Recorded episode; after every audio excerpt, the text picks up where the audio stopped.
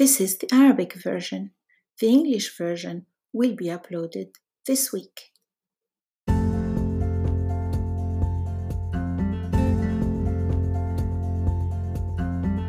التقيت بشخص ما في الحديقة قبل بضعة أشهر واكتشفت أثناء حديثنا عن الطعام أن لدينا الكثير من القواسم المشتركة لذلك قمت بدعوته هو وزوجته إلى نزهة طعام مشترك قبل شهرين.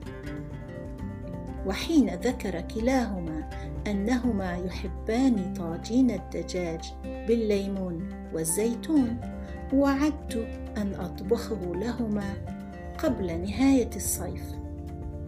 المشاركة ممتعة جدا.